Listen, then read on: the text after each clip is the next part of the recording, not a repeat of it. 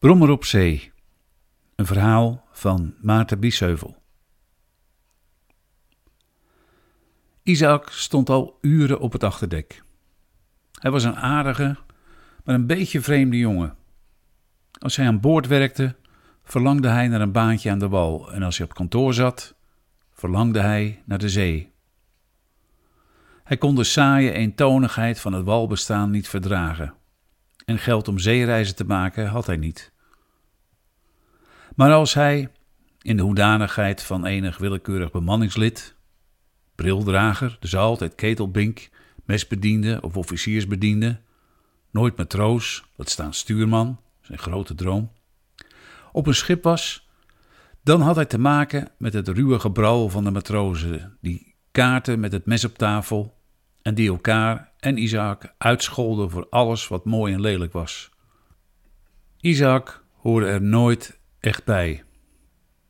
Op een schip paste hij nog het minst in de gemeenschap. Nog minder dan in de haven, in de bottelerij of op de fabriek en kantoor. En juist op een schip dacht hij steeds weer de ware romantiek te zullen vinden. Als het werk gedaan was, kon je hem altijd op het achterdek vinden. Het was nu al twee uur na middernacht, maar Isaac bleef staan omdat het een maanheldere nacht was. Je kon alle bekende sterren van het zuidelijk halfrond duidelijk zien. En het gevaarlijk wit bruisende schroefwater achter het schip. Wie uren op het achterdek van een varend schip in volle zee heeft gestaan, weet dat schepen bij nacht en ontij, overdag, in de regen of in de mist, in poolstreken of in de tropen, in grijs, groen of helder blauw water, altijd en altijd over een witte weg varen. Die weg loopt van de horizon naar de schroef. Een drenkeling die een kwartier later de baan kruist, ziet die weg niet meer. Er stond een heerlijke, zoele wind. Als je goed keek, zag je inderdaad de horizon, of iets dichterbij, het lichtje van een wegloevend schip dat, was Isaac een uur eerder geweest, recht op hem af was komen varen. Maar, zoals blijken zal, de zintuigen kunnen ons bedriegen. Er zijn filosofen die beweren dat alles wat is, inbeelding is. En het tegendeel valt ook niet te bewijzen. Isaac voer op een wilde vaartschip en zag s'nachts nooit schepen. Hij dacht eraan hoe lang het nog zou duren voor hij weer thuis was. Hij keek naar de windjes, de bolders, de trossen, de reling en de gemakkelijke stoel die hij voor zichzelf op het achterdek had neergezet. Op een gegeven moment zag Isaac het lichtje in de verte een bruske zwenking maken. Het leek een korte bocht op het water te beschrijven. En toen kwam het recht op hem af. Toen het alsmaar dichterbij kwam, was Isaac tot de slotsom gekomen dat dit haast geen schip kon voorstellen of zijn. Aangezien het dermate onderhevig was aan de beweging der golven, en vooral omdat het steeds maar bij één lichtje bleef. Een schip met alleen een heklicht aan? Gevaarlijk. Toen het merkwaardig voertuig tot op een afstand van 200 vaden van Isaac was gekomen, zag hij dat het een brommer was. Voor het eerst in zijn leven gebeurde er iets met Isaac dat met recht merkwaardig was. Wat hij nu zag, zou iemand anders in zijn stoutste dromen nog niet durven of kunnen bedenken.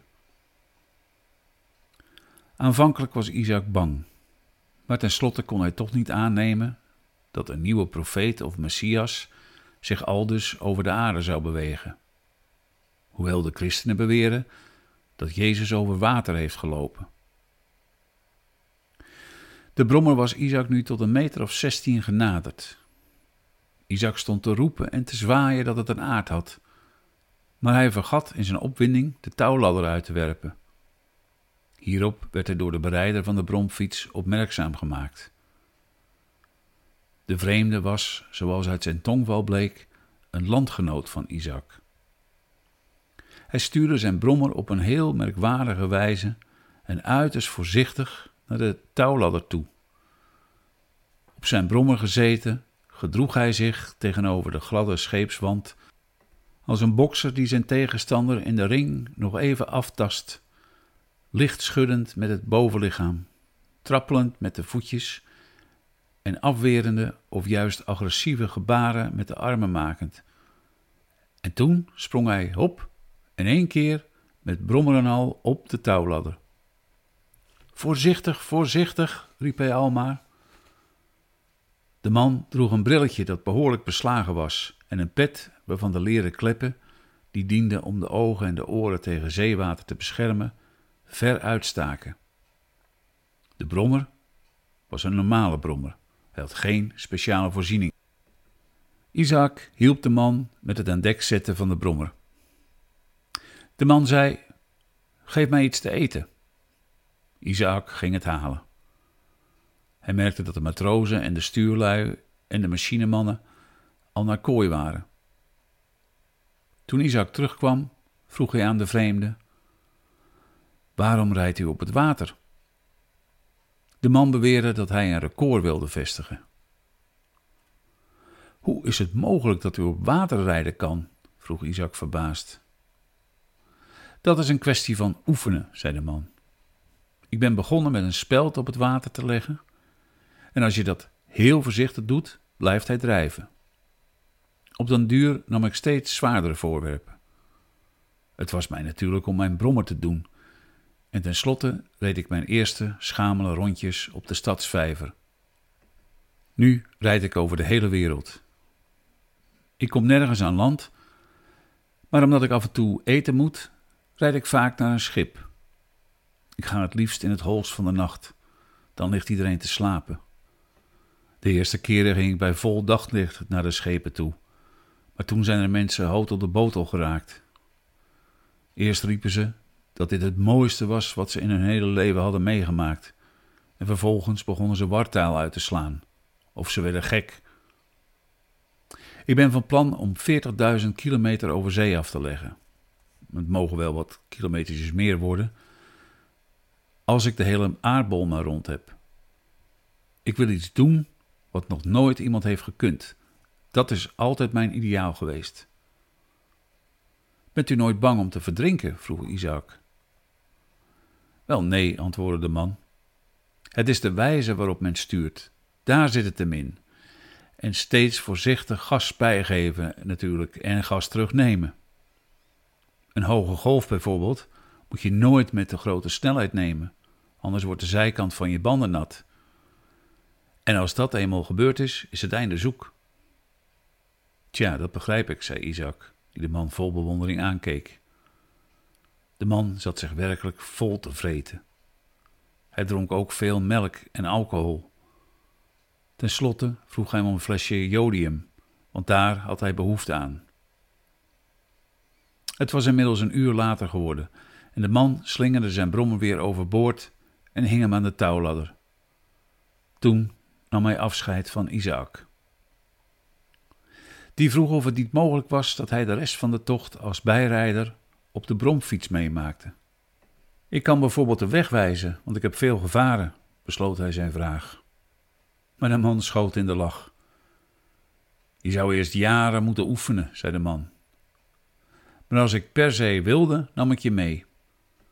Ik kan zo goed sturen en mijn banden nog zo ver oppompen dat het lukken zou.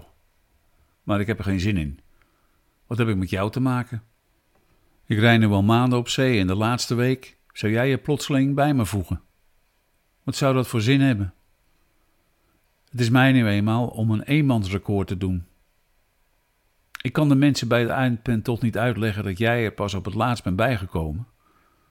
Ik zou trouwens ontzettend mijn best moeten doen om de brommer met twee man rijdende te houden. En ik heb nog nooit geoefend met een tweede man. Weet ik veel wat voor onverwachte bewegingen jij kan maken. Het is zaak om, als het ware, luchtigjes over het water te dansen, ging de man voort. Heb je verstand van koorddansen? vroeg hij. Isaac, die de zin van de vraag niet helemaal begreep, zei van nee. Nou, zei de man, je moet voortdurend met de bromfiets balanceren en je moet je banden zo hoog mogelijk op de golven houden. Toen nam hij afscheid en daalde met zijn brommer de trap weer af. Isaac wilde de touwladder nog wat verstellen, maar weer riep de man, en dit keer heel erg luid, telkens: Voorzichtig, voorzichtig! Toen de man vlak bij het water was gekomen, zette hij de motor hard aan, zodat de wielen in de lucht boven het water in het rond tolden. Af en toe hield de man de banden heel voorzichtig een beetje tegen het wateroppervlak aan, en op een gegeven moment sprong hij met een onverwachte beweging van de touwladder op de razende brommer, die met een noodgang wegspoot. Het werd al enigszins licht. Isaac voelde zich bedroefd. De brommer was binnen een kwartier over de horizon verdwenen. Isaac ging nog maar een uurtje naar bed. De volgende dag vertelde hij de marconist wat hij s'nachts had meegemaakt. Die haalde zijn schouders op. En toen Isaac maar bleef aandringen, begon hij te lachen. Een uur later wist het hele schip dat Isaac s'nachts een man over het water had zien rijden. Iedereen lachte. Toen de dag voorbij was, had Isaac erg geslapen. En voor hij naar bed ging, liep hij nog even naar het achterdek.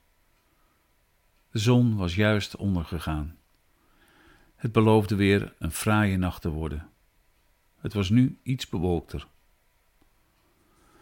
Onwillekeurig begon Isaac de zee af te turen. Maar natuurlijk was de man op de brommer nergens meer te zien. Het huilen stond Isaac nader dan het lachen. Hij hoorde niet op de wal, hij hoorde niet bij de bemanning, hij hoorde zelfs niet bij de man van de brommer. Hij keek naar het bruisende, gevaarlijke schroefwater en naar de vogels die achter het schip aanvlogen. Hij had het gevoel dat hij een eenzaam man was, en langzamerhand kwam hij tot een ontdekking dat het wel altijd zo zou blijven. Hij stak een sigaret op en begon een psalm te neurien. Maar hij kon zijn eigen stem haast niet verstaan, want het was gaan waaien. En daarom kwam de schroef af en toe boven water, die dan als een dolle man in het rond tolde, om met een zware dreun weer in het water terecht te komen. Isaac keek naar een van de zeevogels en wenste net als dat beest te kunnen vliegen en staan waar hij wilde. Hij wilde vliegen achter de schepen aan of ver weg over de horizon. Zonder dat hij er zelf erg in had, begon hij de bewegingen van de vleugels der albatrossen in de lucht na te doen. De bootsman zag het toevallig. Hij giechelde, want hij zag dat Isaac stevig met zijn voeten op dek stond.